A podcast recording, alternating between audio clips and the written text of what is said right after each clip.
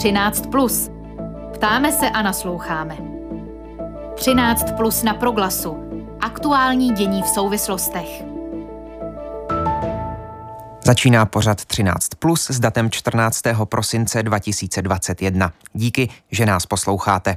Dnes o změnách, které možná čekají české školství. Věnovat se ale budeme i bezpečnosti na horách, kde letos nečekaně brzy začala lyžařská sezóna. Klidný poslech přeje Ondřej Havlíček. 13 plus. Ptáme se a nasloucháme. Guvernér České národní banky Jiří Rusnok se nechal v minulých dnech slyšet, že by byl pro zavedení školného na českých vysokých školách. Pomoci by to podle něj mohlo českému průmyslu. Výrokem znovu rozvířil debatu o dostupnosti vysokého školství pro všechny a o tom, jak se žije českým vysokoškolákům. To když připojil poznámku, že jim navrhované školné 15 tisíc za semestr je částka, kterou propíjí vysokoškoláci za dva měsíce v hospodách. Jak se na debatu dívá Petr Gazdík, který má od pátku převzít vedení ministerstva školství? Co se bude pravděpodobně během jeho funkčního období měnit? Probereme maturity, rámcové vzdělávací programy nebo motivaci učitelů. Poslance, místo předsedu hnutí stan a kandidáta na ministra školství Petra Gazdíka vítám ve vysílání po telefonu. Dobré odpoledne. Hezké dobré odpoledne. Školné na vysokých školách. Co na ten nápad říkáte, pane poslanče? Říkám, že ne, že to není součástí programu koalice pro toto volební období a české školství má skutečně jiné problémy, než řešit teď debatu o školném. Školstné není aktuální problém. Eh, české školství potřebuje úplně jiný posun. Ve chvíli, kdy pan Rusnok tady s tím nápadem přišel, tak se vyrojila celá řada redak- eh, reakcí. Mimo jiné taky takových, že pro některé lidi je studium na vysoké škole dokonce nedosažitelné už teď.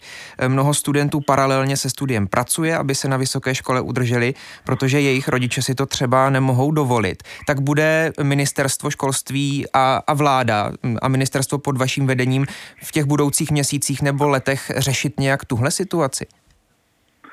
Určitě ano. Eh, klíčem, a to se netýká jenom vysokých škol, je slovo motivace. My se budeme snažit eh, v co nej, nejpřesnějších krocích motivovat studenty všech úrovních škol aby eh, dosahovali co nejlepších výsledků. A na vysokých školách eh, dosáhnete nejlepší, když dosáhnete nejlepších výsledků, tak máte možnost stipendia. Takže my se budeme snažit podněcovat vysoké školy k tomu, aby právě na ty věci, na které už teď eh, někteří studenti nemají, což je ubytování, strava, literatura a další věci, které ke studiu potřebují, tak aby v případě, že budou dosahovat skvělých výsledků, tak aby v takovém případě měli co nejvyšší, nejvyšší stipendium. Ještě jedna otázka k vysokým školám. V koaliční smlouvě vznikající vlády píšete toto, a teď cituji z té, z té smlouvy. Podpoříme, aby si studenti mohli vybrat obor až na základě absolvovaných profilových předmětů během studia, respektive přidat si další obor při absolvování profilových předmětů. Konec citace. Jak by to potom vypadalo? Možná z té věty to není úplně pochopitelné. Když si představím studenta, který přijde do prvního ročníku na vysoké škole, jak by potom vypadalo jeho studium podle toho, co vy navrhujete? Obecně naše školství a nejenom to vysoké i střední eh, trpím problémem, že eh, je tam velmi malá propustnost. To znamená, eh, když se v 15 letech rozhodnete pro nějaký směr a přestoupit na trochu jinou kolej, je v našem školském systému velmi obtížné. Takže snahou ministerstva bude, aby to bylo jednodušší. Víte, nejnovější poznatky Eh, ukazují, že my připravujeme studenty na rok 2050. Uh, to dnes třeba můj sedmiletý syn bude mít v roce 2050 37 let, bude na vrcholu svého produktivního věku, ale jak bude vypadat svět v roce 2050, nevíme. Tu zásadní znalost, kterou musí mít každý absolvent jakékoliv školy, musí být, že se musí umět učit novým věcem.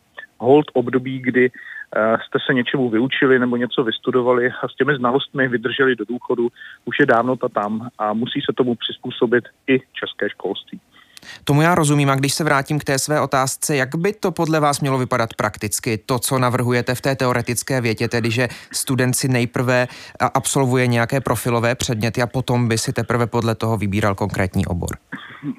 Obecně u, u, u středních, u vysokých škol bude snaha mít nejprve nějaký všeobecný základ a na základě toho všeobecného základu později přidávat, přidávat obory aby to, že nastoupíte na tu jednokolej eh, v nějakém čase neznamenalo, že nemůžete přestoupit na jinou kolej nebo si přebrat další obor.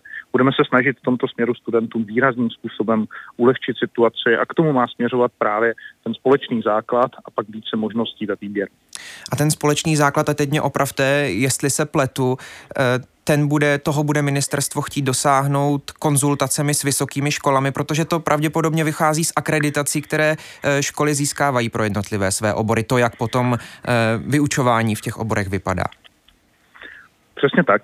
Národní akreditační komise bude do budoucna zatížena obrovskou prací, protože pokud chceme změnit české školství, tak budeme muset změnit jednotlivé studijní, eh, studijní programy, budeme hledat nová východiska a to se musí zrodit v diskuzi. Eh, obecně veškeré změny, které budeme chtít činit ve školství, tak musí vycházet z veřejné diskuze, protože to nejhorší, co se za posledních 30 let ve školství dělo, že průměrný minister vydržel 21 měsíců, vždycky něco začal, dokončil to, pak po něm přišel někdo jiný a začal úplně od znova od zeleného stolu. Mým úkolem jako kandidáta na ministra proto eh, bude také kontinuita. Budu se snažit po svém předchůdci Robertu Plagovi eh, pokračovat v tom, co on začal, ať je to strategie 2030, změna rámcového vzdělávacího programu, eh, nebo další věci, které nastartoval dobře a já v nich rád budu pokračovat. Říká Petr, Ka- Petr Gazdík, kandidát na ministra školství, je v těchto minutách naším hostem v pořadu 13+, plus na rádiu Proglas. Snad nejprobíranějším tématem českého školství jsou dlouhodobě maturitní zkoušky.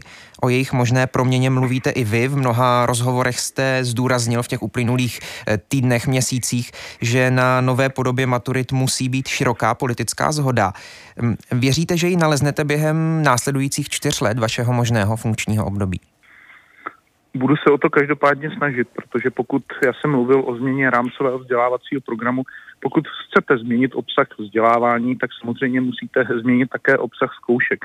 Bylo by nelogické a hloupé, aby uh, se na něco jiného připravovali ve škole, ve škole v běžném, uh, běžném režimu a pak na něco jiného se připravovali na zkoušky. To skutečně nejde. Uh, takže my přicházíme z vizí maturity, která by měla být eh, udržitelná minimálně po dobu 10 až 20 let, protože od vzniku státní maturity se neustále každý rok měnila a vlastně tím studentům eh, říkáme, že jako odborná veřejnost, tak my politici pořádně nevíme, jak má ta maturita vypadat. Takže já bych si přál dosáhnout koncenzu a budu se o ní ze všech sil snažit, aby ta maturita, která, na kterém bude politická, ale i odborná schoda, tak aby tady vydržela minimálně 10 let a poté Eh, se o ní teprve začalo znovu diskutovat a případně nějak upravovat.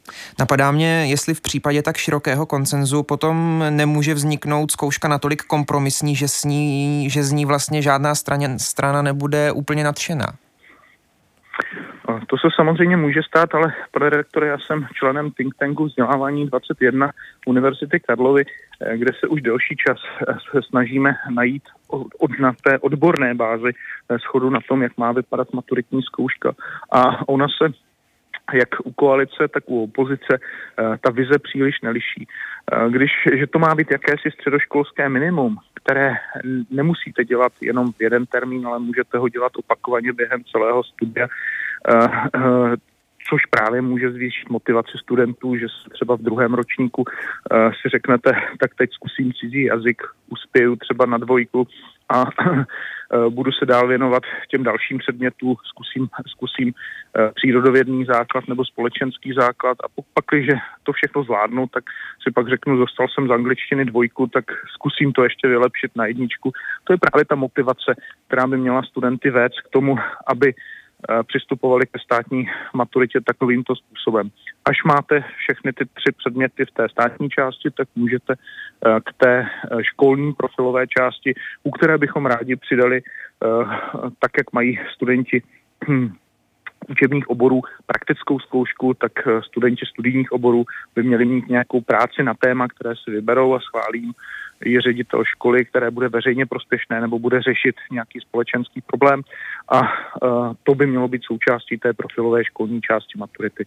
To je vize, s kterou budu předstupovat a, a kterou už teď řeší odborná veřejnost a která za mě má smysl. To jsou maturity. Vy jste už při té předchozí odpovědi mm, zmínil také rámcové vzdělávací programy. K ním jste radiožurnálu v listopadu řekl toto. Doba se posunula a čeká nás boj o to, co v tom rámcovém vzdělávacím programu má být, jak má vypadat vzdělání. Musíme přesvědčit veřejnost, že to není nějaký úlet nebo snaha dětem ulevit, ale je potřeba reagovat na měnící se svět. Konec citace. Mm, jak ten boj bude konkrétně vypadat? Kdo nakonec rozhodne, co ve vzdělávacích programech bude a co ne? Víte, rozhodne o, tom, rozhodne o tom odborná veřejnost, ale to, co potřebujeme, je, aby to pochopili rodiče, protože ti jsou klíčovou, klíčovou složkou vzdělávacího procesu. My všichni jsme chodili do školy a většinou na to máme příjemné vzpomínky a všichni si přejeme, aby naše děti dostali to nejlepší. Ale ten svět se skutečně mezi tím změnil. Je mnoho mnoho odborníků, kteří říkají, eh, přidejte víc hodin tělocviku, přidejte výchovu vlastenectví, přidejte branou výchovu, přidejte další hodinu IT, eh, přidejte kritické myšlení, přidejte mediální výchovu, eh, přidejte větší zaměření na ruku, rukodělnou dovednost, na svět práce.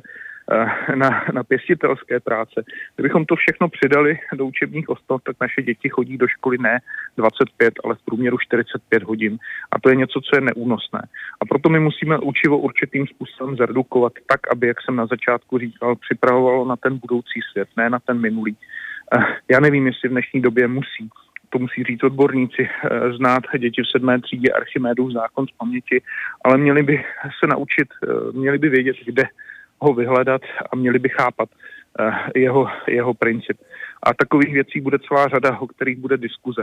Učební osnovy prostě bude eh, nutno eh, mírně zredukovat, zredukovat tak, aby byl dostatečný prostor na projektová vyučování, na přípravu na věci, které děti v budoucnu čekají. Dobrá, tak trochu změním tu svoji otázku. Jak jakým způsobem tedy bude vypadat, jak bude vypadat to přesvědčování rodičů během vašeho eh, šéfování rezortu školství? Nový minister školství musí být ministrem komunikace. Musí, nemusí že být zavřený v Karamelické ulici v Praze, ale musí jezdit po školách, musí se bavit s rodiči, se s odbornou veřejností, se širokou veřejností. Musí přesvědčovat politiky uh, z parlamentních stran o tom, Eh, eh, co chce, eh, co chce změnit a co je dobré v českém školství změnit. Komunikace je ten prostředek. Zda se to podaří nebo nepodaří výbuch, pokusit se o to musíme. Jenom to nám zaručí budoucí ekonomickou prosperitu a spokojený život našich dětí. Petr Gazdík, kandidát na ministra školství, je ještě pár minut hostem v pořadu 13 plus na rádiu Proglas. Eh, Daniel Pražák, učitel na základní škole, tiskový mluvčí hnutí Otevřeno a propagátor učitelské profese, mě zaujal včera na Twitteru tímto svým příspěvkem, budu ho citovat. citovat. Je moc hezký, že se při periodický pracovní prohlídce ptají na tunu věcí, ale o duševním zdraví ani ťuk. A mezi tím máme data o třetině učitelů reportujících deprese a úzkosti za minulý rok. Před pandemí vykazovala až polovina syndrom vyhoření. Ach jo, konec citace. Co plánujete dělat s výrazným problémem demotivace českých učitelů a, a, a vyhoření mnoha z nich? Uh to je skutečně velký problém.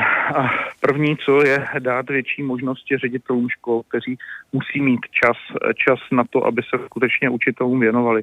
Oni musí být lídři pedagogického procesu a ne, ne účetní stavitelé, ekonomové a lidé, kteří řeší jenom, jenom ty věci okolo a logistiku. Správný ředitel musí mít čas na své učitele, musí vytvářet klima ve škole, musí vytvářet sdílené hodnoty školy. A to je cesta k tomu, jak vlastně pomůžete učitelům, protože oni ví, kde najdou zastání. To období v posledním roce je skutečně velmi, velmi těžké pro mnoho učitelů. Sám mám manželku učitelku a učit 27 hodin distanční výuky, následně pečovat o domácnost, následně opravovat eh, to, co jí za práce pošlou děti, následně potom se připravovat na další den. Eh, je něco, co vyžaduje ne 8 hodinovou, ale 10-12 hodinovou práci denně. U učitelů se, já se omlouvám, u učitelů se dlouho mluví o možnostích, o možnostech takzvaného sabatického roku.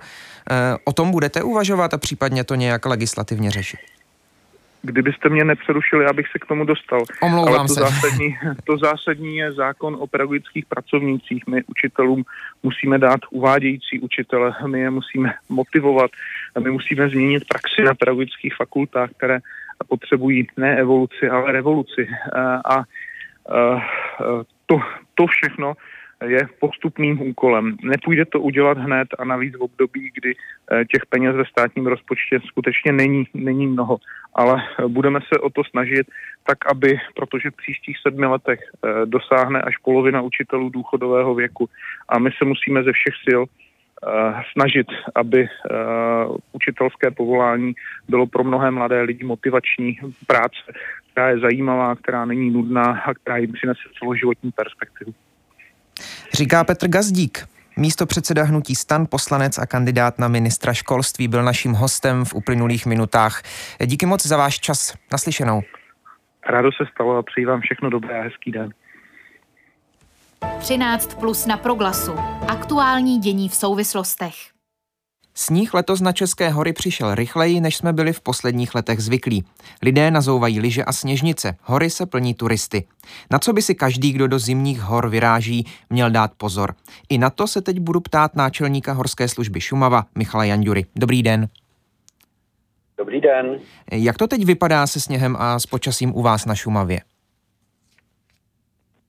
Momentálně přišla během víkendu nebo neděle obleva, takže začalo pršet.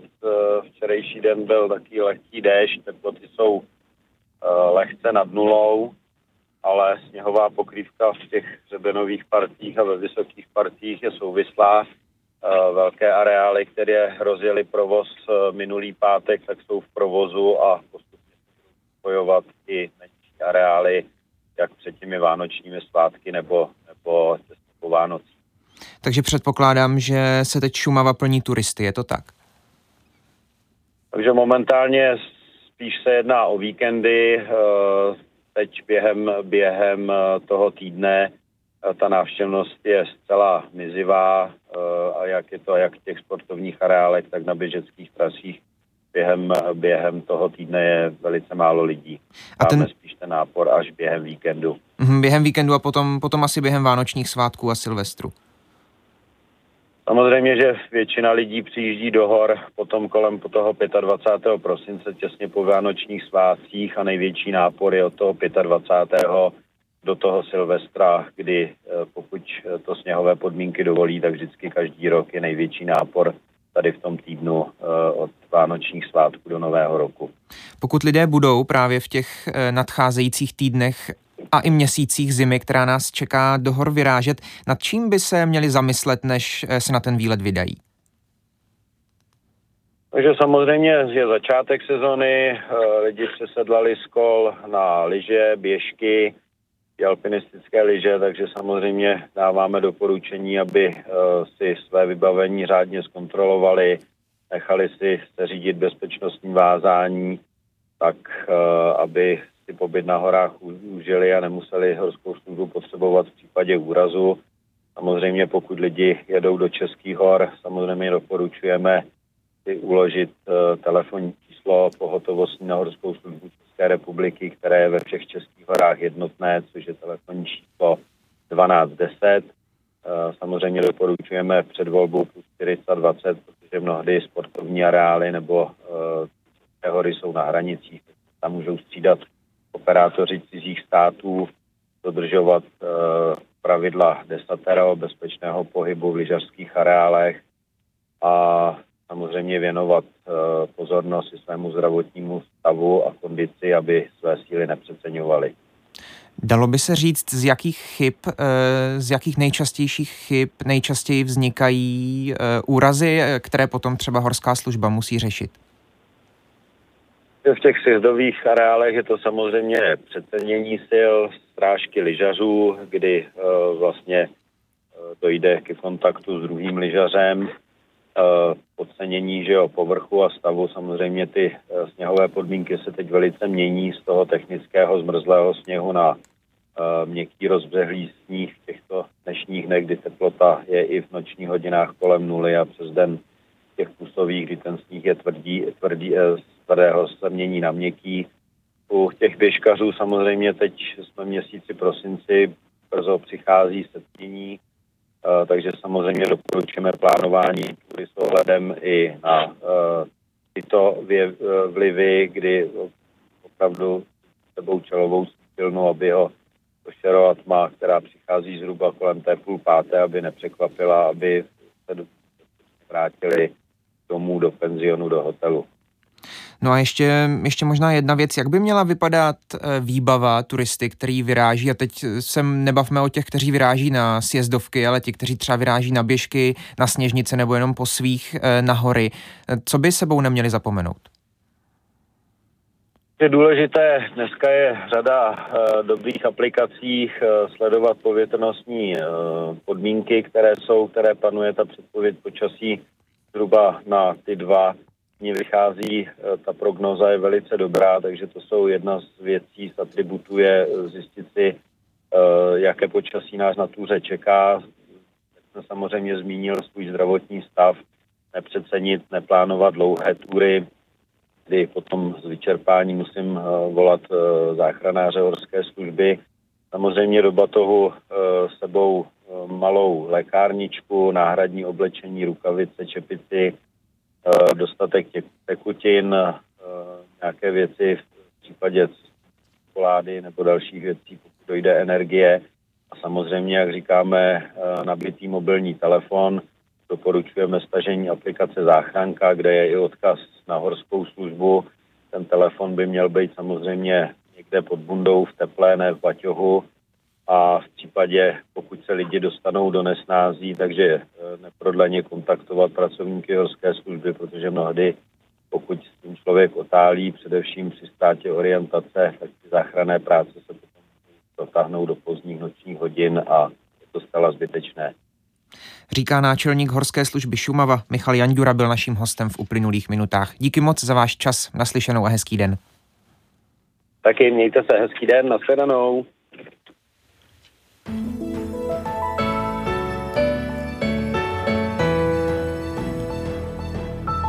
A tím dnešní 13 plus končí. Na jeho přípravě spolupracovala Jana Kuklová. Záznam již brzy v audioarchivu a v podcastových aplikacích. Zítra se po 13. hodině přihlásí Aneška Jakubcová. Od mikrofonu se v tuto chvíli loučí Ondřej Havlíček.